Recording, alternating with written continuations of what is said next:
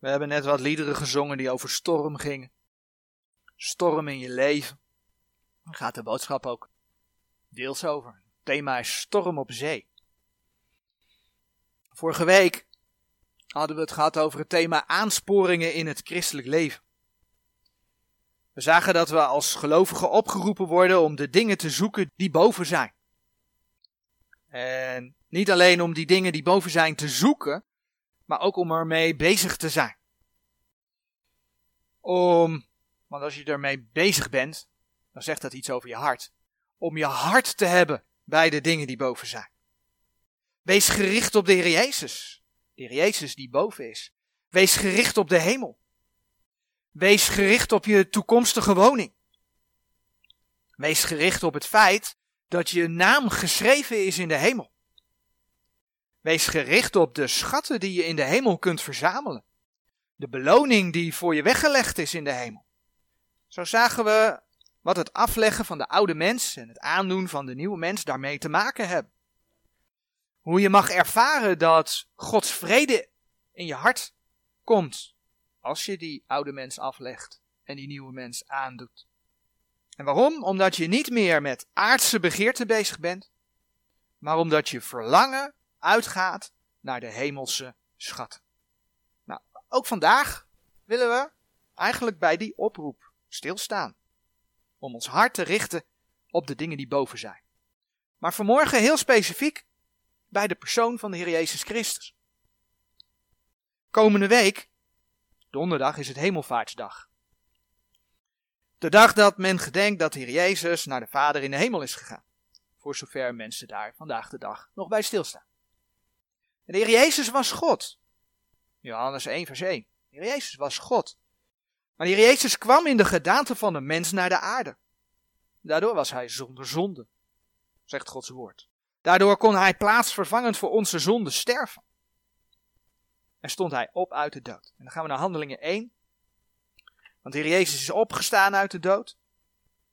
En dan laat de Bijbel zien dat hij kort daarna naar de Vader in de hemel is gegaan. En daar gaan we een aantal versen over lezen. Handelingen 1, vers 9 tot en met 11. En als hij dit gezegd had, werd hij opgenomen, daar zij het zagen. En een wolk nam hem weg van hun ogen. En alzo zij hun ogen naar de hemel hielden, terwijl hij heen voer, zie, twee mannen stonden bij hen in witte kleding. Welke ook zeiden, gij Galileese mannen, wat staat gij en ziet op naar de hemel? Deze Jezus die van u opgenomen is in de hemel, zal alzo komen, gelijkerwijs gij hem naar de hemel hebt zien heenvaren. Nou, dat de Heer Jezus naar de hemel ging, dat had een doel. Dat had een doel.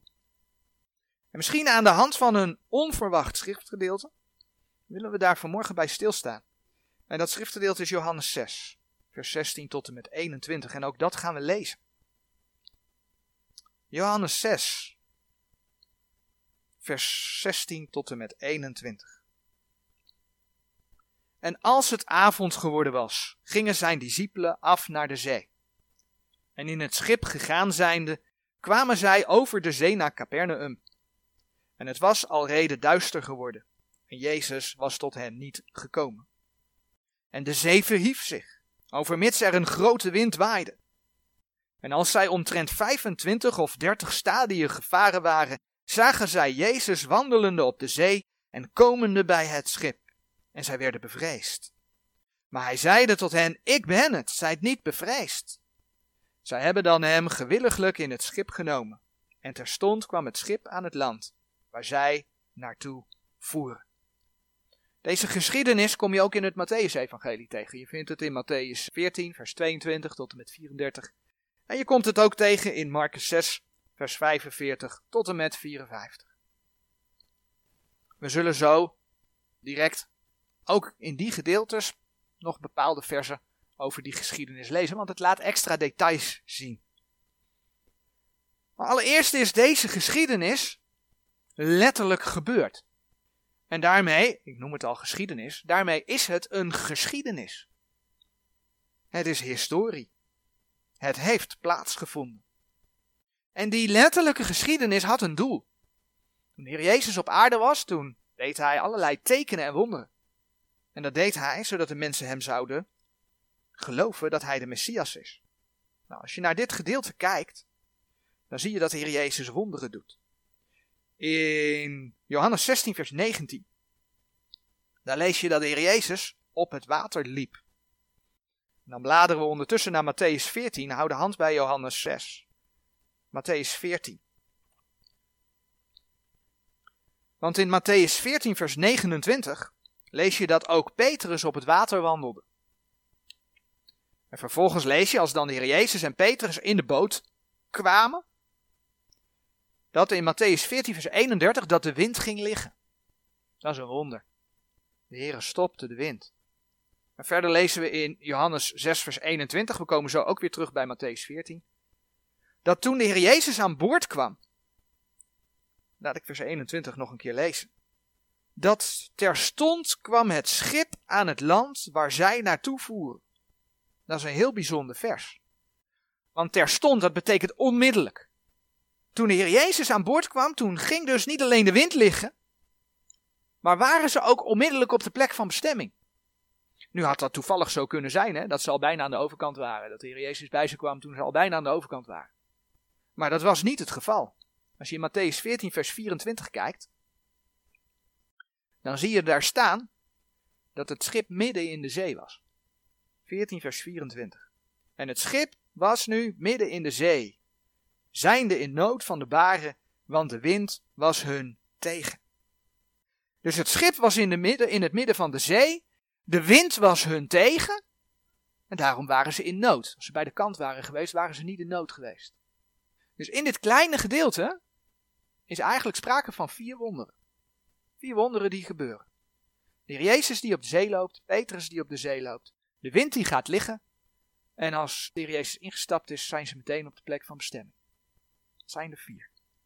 Nou, zoals gezegd, toen de Heer Jezus op aarde was, hij genas de zieken, zodat ze zagen dat hij de beloofde Messias was. De profeet Jezaja heeft het geprofiteerd, Matthäus 8 vers 16 en 17 laten de vervulling zien. Maar ook door deze gebeurtenissen die we dus in Johannes 6 en Matthäus 14 lezen, liet de Heer zien dat hij boven de natuurwetten stond. Hij staat boven de natuurwetten. Hij liet zien dat de wind naar hem luisterde.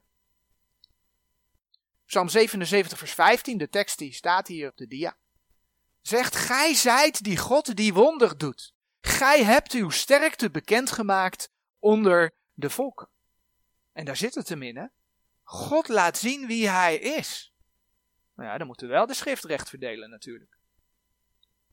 Hebreeën 2 vers 4 zegt ook zo mooi. God had een doel met die wonderen. Punt 1, de Heer Jezus. Mensen konden weten dat hij de Messias was. Maar God bevestigde ook zijn woorden. Nou, we hebben zijn woorden. Vandaag de dag. Dus dat soort wonderen zijn vandaag de dag niet nodig. Hebreeën 2 vers 4 zegt. God bovendien mede getuigende door tekenen en wonderen en menigerlei krachten en bedelingen des heilige geestes naar zijn wil. God getuigde door tekenen en wonderen. Dat is wat de schrift laat zien. De Heer liet zien wie hij was. Hij bevestigde zijn woorden door profeten en apostelen heen. En zo bewees de Heer Jezus zelf dat hij God geopenbaard in het vlees was. 1 Timotheus 3 vers 16 schrijft daarover. En iets wat hij op deze manier ook aan de discipelen toonde. Want kijk wat voor getuigenis die discipelen geven in Matthäus 14, vers 33. Matthäus 14, vers 33.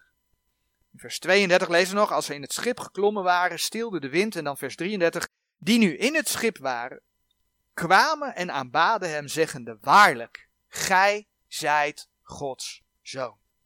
Om dat getuigenis gaat het. Misschien vraag je af, wat heeft dat nou allemaal met hemelvaart te maken? De hemelvaart van de Heer Jezus. Daar willen we verder bij stilstaan. We hebben allereerst gezien dat het gewoon om een letterlijke geschiedenis gaat die gebeurd is en die dus betekenis binnen Gods woord heeft. God wil er iets mee duidelijk maken. Wil laten zien wie Hij is. Maar ook typologisch zit er in deze geschiedenis een hele mooie betekenis. Als we naar de type kijken, dan zien we dat in dit geval, deze geschiedenis, onderdelen, eigenschappen bevat, die profetisch verwijzen naar andere gebeurtenissen.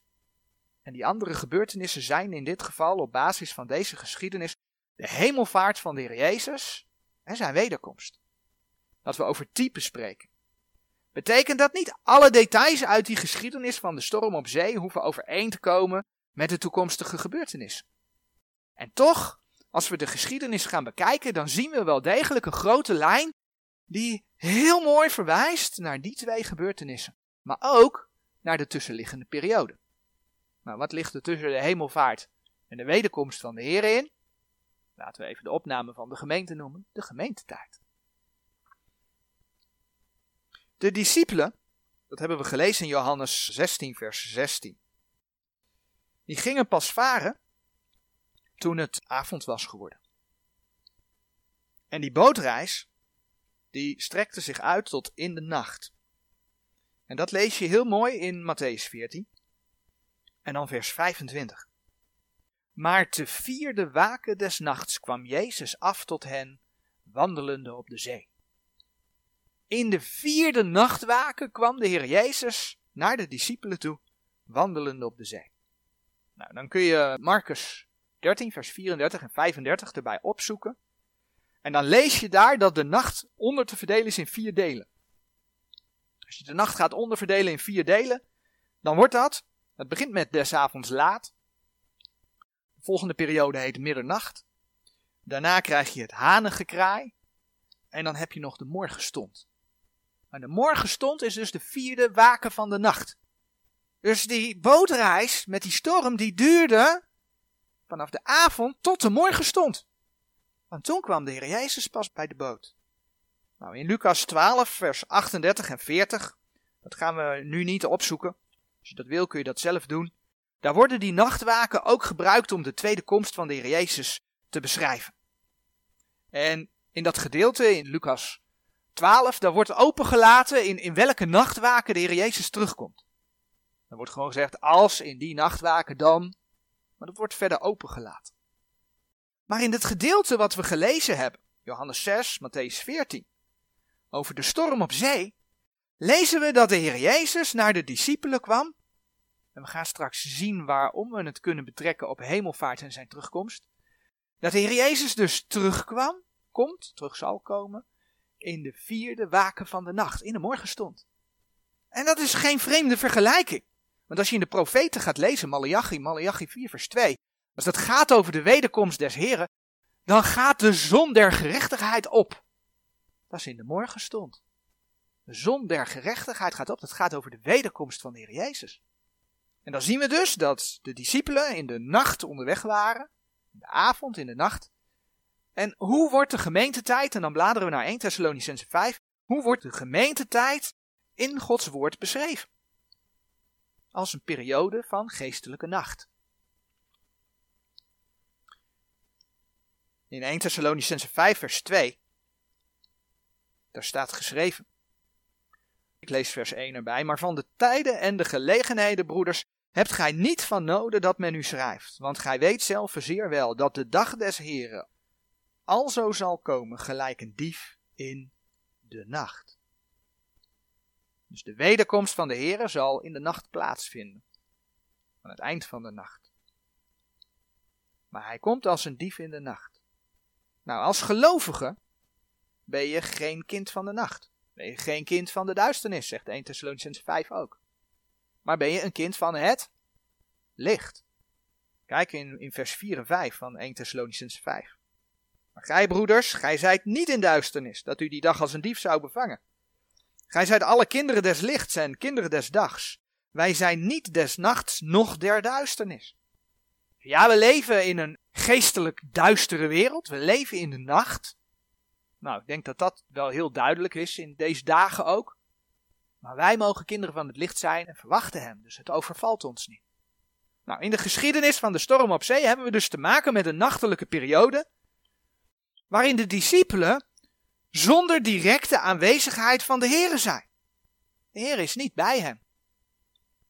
Nou, dat staat als type voor de gemeentetijd. En terwijl de discipelen in de nacht varen, wat is dan de Heer Jezus aan het doen? Die is aan het bidden. Gaan we naar Marcus 6, vers 46. Dus dat andere gedeelte, naast Matthäus, wat ook over die geschiedenis gaat. Marcus 6, vers 46. De Heer Jezus is aan het bidden op de berg. We lezen in dat vers. En als hij dezelfde hun afscheid gegeven had, ging hij op de berg om te bidden. En dan lees je vervolgens in vers 47 over dat schip dat midden in de zee is. Dus de Heer Jezus ging weg om te bidden. Nou, hier zijn we dus gekomen bij hetgeen dat als type staat voor de hemelvaart van de Heer Jezus. Want de Heer Jezus die verliet de aarde om naar de Vader te gaan. Nou, in Handelingen 1, in Handelingen 1, vers 4 tot en met 9, lees je eigenlijk de afscheidswoorden van de Heer Jezus voordat hij naar de Vader in de hemel gaat. En Handelingen 1, vers 9 tot en met 11, die hebben we aan het begin gelezen. Die gaan dan over de hemelvaart zelf, dat de Heer opgenomen wordt, dat een wolk hem onttrekt aan de ogen van de discipelen. En wat is de Heer Jezus in die hemel aan het doen? Johannes 14, vers 1 tot en met 3, die spreken erover dat hij plaats aan het bereiden is. Hij is plaats aan het bereiden.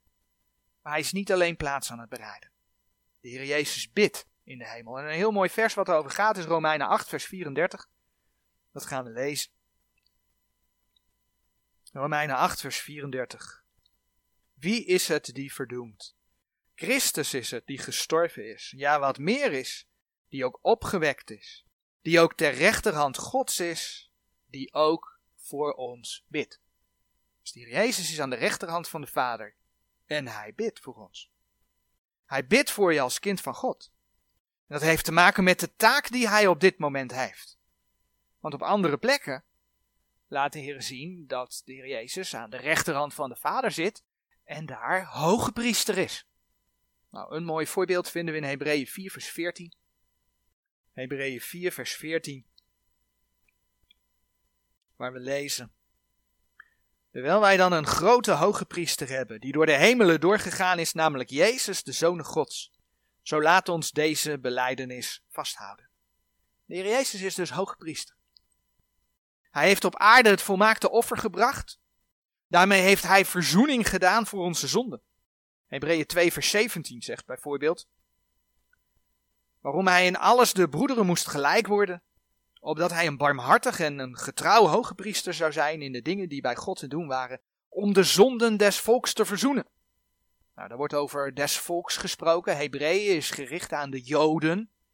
Dus het gaat over Israël. Maar als je dan in Efeze 2 gaat lezen, Efeze 2 vers 13, dan lees je dat de heidenen door het bloed van Christus nabijgekomen zijn. En dan laat Efeze 2 vers 16 zien dat in Christus ook de heidenen met God verzoend zijn. Dus Hebreeën 2 vers 17 mag je ook op de gemeente toepassen. Dat geldt ook voor de gemeente. De Heer Jezus is dus ook jouw hoge priester. Doordat hij opgestaan is uit de dood, naar de Vader in de hemel is gegaan, hoeft zijn offer ook niet jaarlijks opnieuw gebracht te worden. Dat was in het Oude Testament wel zo. Daar spreekt Hebreeën 9 over, onder andere vers 24 tot en met 26. En dan lees je in Hebreeën 10 vers 14. Hebreeën 10 vers 14. Want met één offerande heeft hij in eeuwigheid volmaakt degene die geheiligd worden. Er was maar één offer nodig, omdat de Heer Jezus het volmaakte offer bracht. Dus de hoge priester bracht zijn offer en de hoge priester bidt voor de zijne. De Heer Jezus is hoge priester, hij bidt voor je. Nou, in de geschiedenis van de storm op zee lezen we dat de Heer Jezus op de berg bad. En weet je wat het mooie is in die vergelijking? De Heer Jezus bidt nu ook op de berg voor de zijne. En dat heeft te maken met het hemelse Jeruzalem. Als we naar Hebreeën 12 bladeren, dan lezen we daar iets over het hemelse Jeruzalem die op de berg Sion ligt. Hebreeën 12, vers 22 en 23. Maar gij zijt gekomen tot de berg Sion en de stad des levende Gods, tot het hemelse Jeruzalem en de vele duizenden der engelen, tot de algemene vergadering en de gemeente der eerstgeborenen die in de hemelen opgeschreven zijn, en tot God, de rechter over allen, en de geesten der volmaakte rechtvaardigen. Als de Heere God zich in de hemel bevindt, in het Nieuwe Jeruzalem, dat in dit gedeelte de stad des levende Gods genoemd wordt. En die stad dus op de berg Sion ligt, zoals we net lazen, wat dan dus het hemelse Sion is, en de Heer Jezus zich aan de rechterhand van de Vader bevindt, dan bevindt hij zich dus op de berg Sion. In de hemel op de berg Sion. En wat doet hij? Hij bidt voor je als gelovige. We komen straks nog terug op zijn gebed. Maar eerst willen we nog verder ingaan op de zee. Op de zee waar de Heer Jezus op wandelde. Die zee was net als de hele geschiedenis natuurlijk een letterlijke zee. Dat water was er. En die storm die was er. Maar als type staat die zee in die geschiedenis ook voor een andere zee. En die zee wordt beschreven in Openbaring 21 vers 1, wat overigens op zich ook weer een letterlijke zee is. Net zo goed als de wederkomst letterlijk zal plaatsvinden. In Openbaring 21 vers 1, daar lezen we. En ik zag een nieuwe hemel en een nieuwe aarde, want de eerste hemel en de eerste aarde was voorbij gegaan en de zee was niet meer. Nou, die zee die niet meer was, verwijst niet naar het kwaad of iets dergelijks. Dat verwijst ook niet naar een van de zeeën op aarde, ook niet naar alle zeeën op aarde.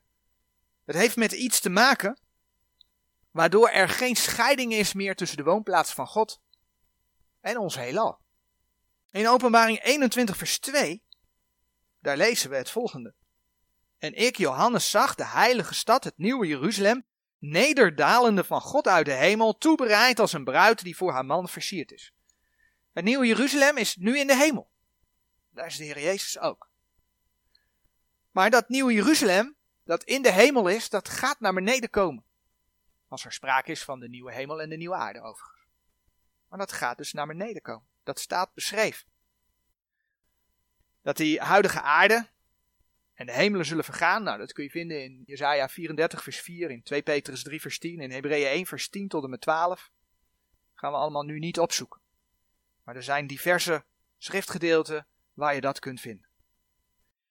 En dit heeft allemaal te maken met de wijze waarop de Heer God het heelal geschapen heeft. En daarvoor gaan we naar Genesis. En ik heb dat eerder genoemd, daarom ga ik er nu ook wat snel doorheen. Mocht je dit iets uitgebreider willen bekijken, dan kun je de video op YouTube of BitChute over de nieuwe hemel en de nieuwe aarde bekijken. Dan ga ik er iets uitgebreider op in. YouTube, BitChute, kanaal, Bijbel en geloof. Nou, in Genesis 1, vers 1, daar beschrijft de Heer dat hij de hemel en de aarde geschapen heeft. En dan lees je in vers 2 dat er duisternis was op de afgrond en dat de geest Gods zweefde op de wateren. En dan zegt Genesis 1, vers 6, en God zeide, daar zij een uitspansel in het midden der wateren. En dat maakt scheiding tussen wateren en wateren. En dan zegt Genesis 1 vers 7. En God maakte het uitspansel en maakte scheiding tussen de wateren die onder het uitspansel zijn en tussen de wateren die boven het uitspansel zijn. En het was al zo. Nou, in deze schematische tekening zie je hier de wateren die onder het uitspansel zijn. En hier zie je de wateren die boven het uitspansel zijn. En hier is het uitspansel en in vers 8 wordt dat uitspansel hemel genoemd. Nou, dat is niet de hemel, de woonplaats van God. Want in Genesis 1 vers 14 tot en met 18 lees je dat de Heere God in dat uitspansel de zon maakte, de maan maakte en de sterren maakte. Dus dit gaat wel degelijk over ons heelal. Met de aarde, de zon, de maan en de sterren die gescheiden is door een water, wateren, onder en boven het uitspansel.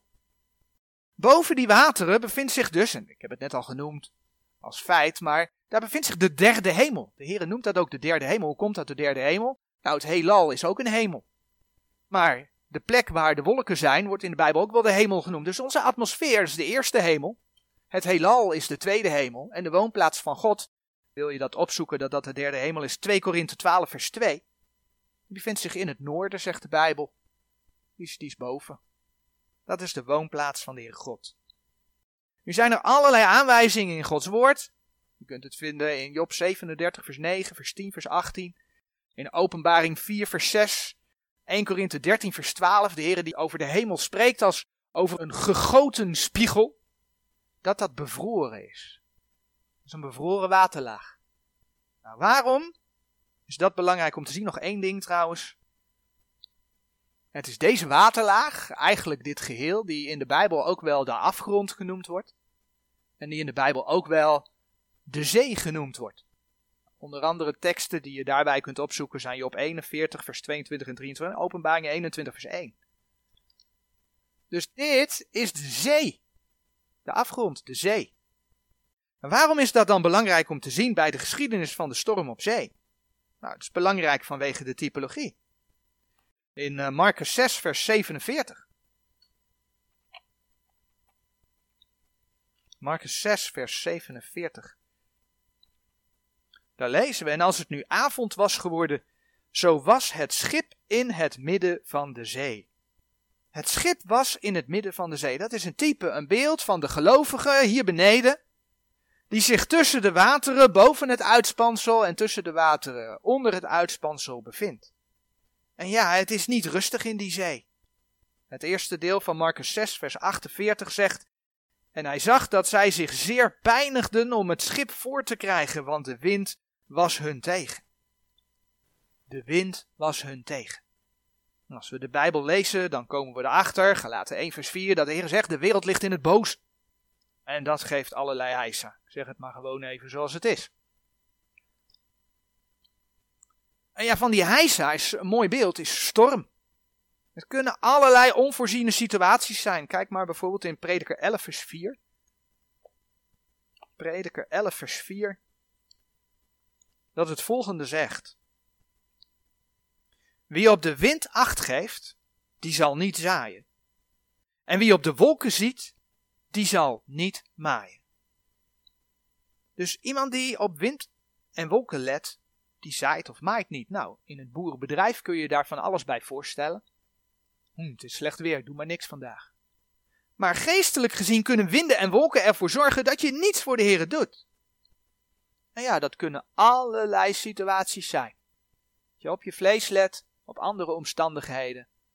En ja, dan laat je de dingen voor de Heer ook maar liggen. Maar we moeten niet op ons vlees gericht zijn. Ons vlees moet ons niet fitheid geven. Ons vlees moet ons niet vermaken. We moeten op de dingen van boven gericht zijn. We moeten op de dingen van de Heer gericht zijn. Dus winden en wolken, die kunnen je dus beletten om iets voor de Heer te doen. Kunnen ook andere situaties in je eigen leven zijn. De storm, laten we maar gewoon zeggen. Soms maak je storm in je leven mee. Moeilijkheden. Tegenslagen. Ziekte. Dat kan je belemmeren. Maar ook, en dat is een verwijzing naar Efeze 4, vers 14, kan de storm verwijzen naar alle wind van leer. Die als je daarop gericht bent, je van Gods woord afleidt en je tot dwaling kan brengen. Zoek Efeze 4 vers 14 maar op, dan kun je dat daar lezen. De bedoeling is dat je standvastig bent. Nou, het tegenovergestelde is dat je je met wind van leer laat meevoeren. Dat is de situatie waar je je ja, op deze aarde in bevindt. In de geschiedenis van de storm op zee hebben we net gelezen in Marcus 6 vers 48 dat de discipelen zich pijnigden om het schip voor te krijgen. Het is zeg maar niet makkelijk om in je leven in dienst van de Heer te stellen. Het is een strijd. Ze pijnigden zich. Laten we het nog een keer lezen, want het zijn niet mijn woorden. Marcus 6, vers 48. En hij zag dat zij zich zeer pijnigden om het schip voor te krijgen. Maar de wind was hun tegen. Ja, het kost je wat om te kiezen voor de Heer. Om je niet door je vlees te laten leiden. En alleen voor de Heer te gaan als het je uitkomt. Als je vlees je daarin bevestigt dat het nou, fijn is of goed is om voor de Heer te gaan. Maar dan, ja, weet je, dat is de makkelijke weg. Je moet juist in die situaties je blik op de Heer gericht houden. En dat kost dan wat. Ze pijnigden zich. Maar in dat vers 48 lezen we nog wat. We lezen daar namelijk, vers 48 van Marcus 6, en hij zag dat zij zich zeer pijnigden om het schip voor te krijgen, want de wind was hun tegen. Dus terwijl de Heer Jezus op de berg was, hij was aan het bidden, zag hij dat de discipelen in nood waren. Hij zag dat. En ook dat mag je als type toepassen, want de Heere ziet wat er hier op aarde gaande is. Hij ziet zijn gemeente en hij ziet haar nood. Hij ziet jou en hij ziet je nood. Dat mag je weten. En dan mag je dus ook nog weten, Romeinen 8, vers 34, dat de Heere voor je bidt. Hij ziet je, hij ziet je nood en hij bidt voor je. Hij is je hoge priester. En daarom is het zo belangrijk dat je ondanks de storm, ondanks de moeilijkheden, gericht bent op de dingen die boven zijn, gericht bent op de Heer Jezus, die je hoge priester is, die je overste leidsman is, volgens Hebreeën 12, vers 2. Want wat is er zo mooi aan die overste leidsman? Wat is er zo mooi aan die hoge priester? Die versen zijn vanmorgen al ter sprake gekomen, ook in het eerste uur. Dat is dat hij zelf op aarde is geweest. En hij weet wat het is om hier op aarde te zijn. Hij weet wat het is om in de storm te zijn. We hebben Hebreeën 4, vers 14 gelezen over het feit dat de Heer Jezus de hoge priester is. Maar nou gaan we ook vers 15 en 16 erbij lezen. Hebreeën 4, vers 15 en 16. Want wij hebben geen hoge priester die niet kan medelijden hebben met onze zwakheden, maar die in alle dingen gelijk als wij is verzocht geweest, doch zonder zonde.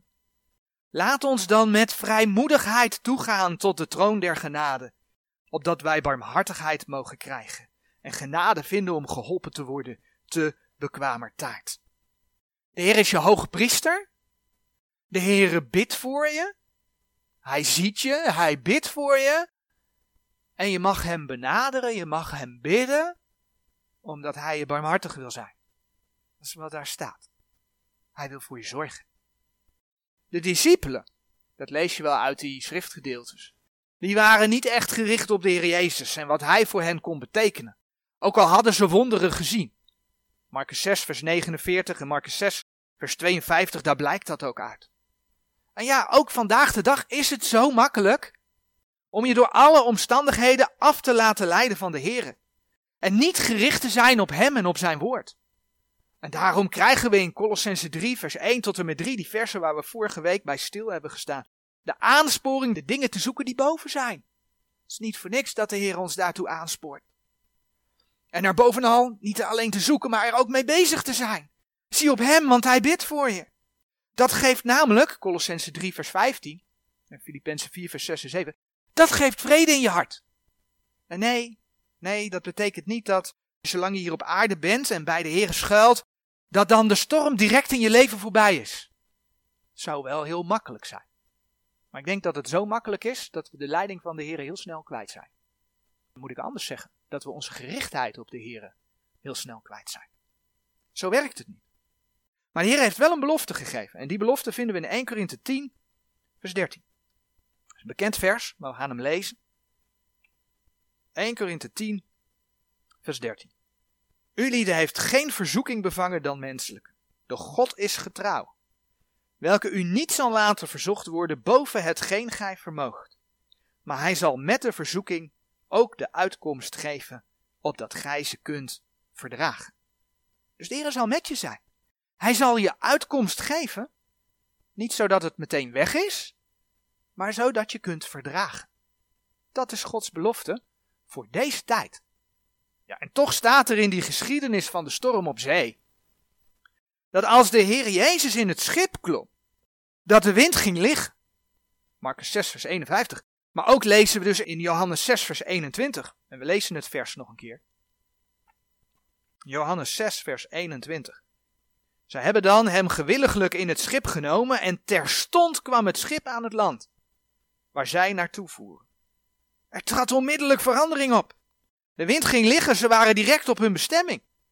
Dat heeft ermee te maken dat je de wind als type nog op een andere manier kunt toepassen. De wind wordt in Gods woord ook wel gebruikt voor het oordeel van God. Als voorbeeld zoeken we Jeremia 51 vers 1 op. Jeremia 51 vers 1. Waar we bijvoorbeeld lezen. Zo zegt de Heer, zie, ik zal een verdervende wind opwekken tegen Babel, en tegen degenen die daar wonen in het hart van degenen die tegen mij opstaan. Zien we dat staan? De Heere zal een verdervende wind opwekken. Nou, zo kun je bijvoorbeeld ook zoeken Jeremia 4, vers 11 tot en met 13 of Jona 1, vers 4. In het geval van Jona zond God ook een wind om Jona tot de orde te roepen. En nee, als gemeente gaan we Gods oordeel, Gods toren die in de 70ste jaarweek en de grote verdrukking over de aarde gaat komen, gaan we niet meemaken. In 1 Thessalonicense 1 vers 10 en 1 Thessalonicense 5 vers 9 is de Heer duidelijk genoeg dat de gemeente niet gesteld is tot toren. Maar dat betekent niet dat we in de aanloop daar naartoe geen dingen meemaken. Ik denk dat de afgelopen paar jaar heeft laten zien dat dat wel degelijk zo is. En ook de laatste week kwamen er nog weer allerlei berichten die laten zien dat het enerzijds dat het snel gaat allemaal, die ontwikkeling. Er zit voortdurend voortgang in. En die je iedere keer weer confronteert met, ja we leven wel in de eindtijd. En toch maken we die dingen mee. De Heer is nog niet teruggekomen. Zo wordt er blijkbaar vandaag, want het zou op 22 mei zijn en vandaag is het 22 mei, wordt er in Genève gestemd. Ik weet niet of jullie dat gehoord hebben, maar over een voorstel dat de WHO op het moment dat zij vinden dat er ergens in de wereld een gezondheidscrisis is, dat zij dan mogen beslissen hoe een land moet handelen. Sterker nog, dat is niet de organisatie WHO die dat gaat besluiten, maar er wordt één man aangewezen en dat is het hoofd van de WHO. En die mag dan alles bepalen wat er in landen gebeurt. En als een land zich daar niet naar voegt, dan mogen ze daar strafmaatregelen op loslaten. En dat wordt geregeld. En dat is een cadeautje die we aan president Biden te danken hebben. Alhoewel, de Heere God laat het toe, dus het zal zo moeten zijn. We weten dat er iets van een wereldregering moet komen. Maar dat is een cadeautje, om het dan maar even zo te zeggen, die president Biden begin dit jaar in werking heeft gezet. En die slechts begin april pas naar buiten is gekomen. En zo zie je hoe achter de schermen van alles klaargestoomd wordt. Maar het is het bijzondere dat de macht in de handen van één persoon komt te liggen. Dus in een situatie als met COVID of een ander virus, heeft één man op deze aarde de macht. Als er voorgestemd wordt. Als we naar Israël kijken, dan zien we dat ook daar de spanningen steeds meer toenemen. Moet ook gebeuren. Er moet iets gaan gebeuren waardoor Israël straks een vredesverbond gaat sluiten. Met de antichristen. Eerst nog. En ja, het zal jullie ook vast niet ontgaan zijn dat we de laatste week er een nieuw virus bij, althans, het virus is niet nieuw, maar ik denk wel dat hij nu bij ieder bekend is, dat we een apenpokkenvirus hebben. Ja, een apenpokkenvirus. En dat virus, dat is onderschept bij eergisteren één Nederlander, enkele Amerikanen, een enkeling in Groot-Brittannië, dat waren er geloof ik een paar. Met andere woorden, over de hele wereld gaat het om, nou misschien tientallen. Maar de WHO is al in spoedzitting bijeen. Ik hoor net dat het al de A-status krijgt. Het is een virus dat niet gevaarlijk is, want je wordt er een beetje ziek van. Minder erg dan corona, heb ik begrepen. Kortom, de wereldbevolking is paniekerig gemaakt. En nu reageren we al op iets wat we eigenlijk niet kennen, wat onbekend is. Mensen raken in de stress, zijn bang en dus de WHO is meteen in spoedzitting bijeen. Wij moeten niet gericht zijn op deze aarde. Dat was de boodschap van vorige week, maar dat klinkt hierin door. Wij moeten gericht zijn op onze Heren. Want als wij dat niet doen, dan word je hier dol. Want dit verhaal gaat alleen nog maar erger worden. Dus hiermee noem ik alleen maar een paar voorbeelden. En we zien dat eigenlijk alles in gereedheid gebracht wordt, zodat straks die grote eindstrijd kan plaatsvinden. En nee, dan maakt het er niet makkelijker op. Dan maakt het er niet makkelijker op.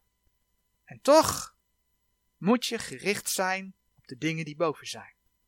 Moet je gericht zijn op je overste leidsman, op je hoge priester. Hij ziet je en hij bidt voor je. Totdat het moment daar is. En dan komt hij zijn gemeente door de zee ophalen. De Heere zal de zee gaan betreden om zijn gemeente op te halen. En een hele mooie verwijzing daarna vinden we in Habakkuk. Een van de kleine profeten. In Habakkuk 3, daar zie je diverse verwijzingen naar de tweede komst van de Heer Jezus. Onder andere in Habakkuk 3 vers 3, 3 vers 11, 3 vers 12 zijn diverse verwijzingen naar de tweede komst. En dan lees je in Habakkuk 3 vers 15 opeens. Gij betraat met uw paarden, en dat wordt tegen de Heere gezegd. Gij betraat met uw paarden de zee, de geweldige wateren werden een hoop. Als we dan terugdenken aan het heelal, dat door twee waterlagen van elkaar gescheiden wordt, dat ook wel de zee genoemd wordt, dan beseffen we dat de Heer niet een of andere zee hier op aarde gaat betreden. Maar hij moet de zee gaan betreden die tussen ons heelal en de derde hemel in zit. Zie je dat het heel mooi past in de context van zijn tweede komst? En ja, dat gaat gebeuren. En niet alleen bij de tweede komst, maar ook bij de opname van de gemeente. Want dan komt hij ons in de lucht tegemoet, zegt 1 Thessalonicense 4, vers 17. Teksten die we natuurlijk allemaal kennen, maar ik ga 1 Thessalonicense 4, vers 17 even voorlezen. Daarna wij die levend overgebleven zijn, zullen tezamen met hen opgenomen worden in de wolken, de Heere tegemoet in de lucht. En alzo zullen wij altijd met de Heere wezen. En dan zegt dus Johannes 6, vers 21 over die storm op zee. Zij hebben hem dan gewilliglijk in het schip genomen en terstond kwam het schip aan het land, waar zij naartoe voeren. Zij waren terstond onmiddellijk op de plek van bestemming. En dat mogen we in type toepassen op de gemeente, op de opname van de gemeente. Want wat staat er in 1 Korinthe 15 over de opname geschreven? 1 Korinthe 15 vers 51 en 52. Zie, ik zeg u een verborgenheid. Wij zullen wel niet alle ontslapen, maar wij zullen alle veranderd worden. In een punt des tijds, in een ogenblik, met de laatste bazuin. Want de bazuin zal slaan en de doden zullen onverderfelijk opgewekt worden. En wij zullen veranderd worden. In een punt des tijds, in een ogenblik, gaat dat gebeuren als we opgenomen worden. Dan zijn we in een punt des tijds, dan zijn we in een ogenblik op de plaats van bestemming. Dat is bij de Heren. Dus de Heer gaat komen. Zie op Hem. Zie op de dingen die boven zijn. Want daar mogen we elkaar, hè, te midden van de storm, de storm van de maatschappij die we ja, zeg maar gezamenlijk meemaken, maar ook een ieder in zijn eigen leven heeft zijn eigen dingen die hij meemaakt. Te midden daarvan mogen we elkaar daarmee vertroosten. Dat zegt 1 Thessalonians 4 vers 18. In de context van de opname van de gemeente zegt de Heer niet voor niets, zo dan vertroost elkander met deze woorden. Amen.